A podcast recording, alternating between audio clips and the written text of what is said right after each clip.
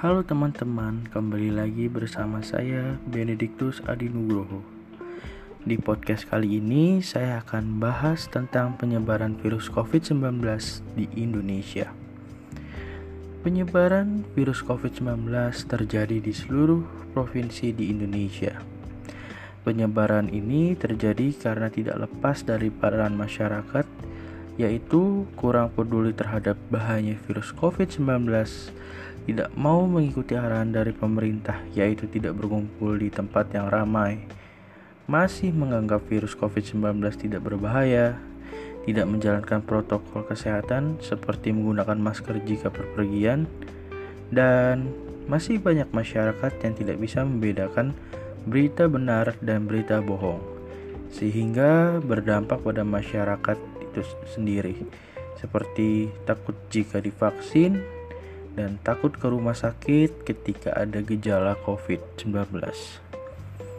Total jumlah sementara penderita COVID-19 di Indonesia baik yang tertular sekitar 2,28 juta, yang sembuh sekitar 1,93 juta, dan yang meninggal dunia sekitar 60.582. Selain angka penularan, kesembuhan, dan kematian yang tinggi, ada juga dampak negatif dan positif yang dirasakan oleh masyarakat, yaitu dampak negatifnya ketika terjadi pandemi virus COVID-19, banyak masyarakat yang bekerja di perusahaan di PHK dikarenakan adanya alasan perusahaan tidak mampu lagi untuk membayar gaji jika karyawan tetap bertahan. Selain dampak negatif, ada juga bagian positifnya, yaitu bisa quality time bersama keluarga dan dapat mengasah skill seperti belajar memasak. Untuk menanggulangi penyebaran virus COVID-19 agar tidak bertambah lebih banyak adalah dengan menaati arahan pemerintah yang di mana tidak berkumpul di tempat ramai, jika keluar karena ada kepentingan seperti bekerja atau membeli kebutuhan pokok, gunakanlah masker, konsumsi makanan yang bergizi, rutin minum vitamin C, dan berolahraga agar dapat menjaga kebugaran tubuh.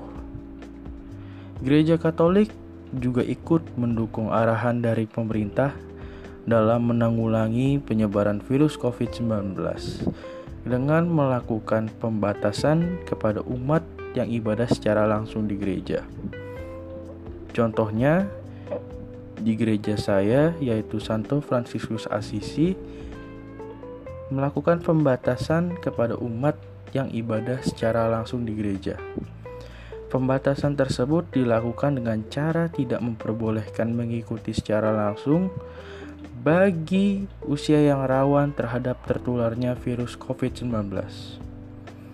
Memberikan kuota lima orang di setiap lingkungan dan dapat mendaftar di web yang disediakan atau mendaftar di ketua lingkungan.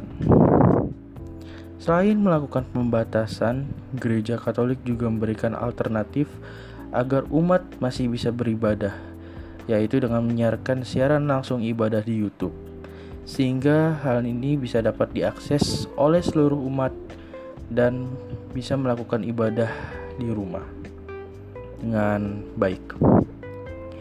Selain itu, Paus Fransiskus juga menyampaikan pesan kepada umat Katolik untuk tetap kuat di tengah pandemi COVID-19 dan juga mengkritik orang-orang yang menolak memakai masker dengan berkata, "Dan kita juga tidak dapat membiarkan virus individualisme radikal menang dan membuat kita tidak acuh terhadap penderitaan saudara-saudara lainnya.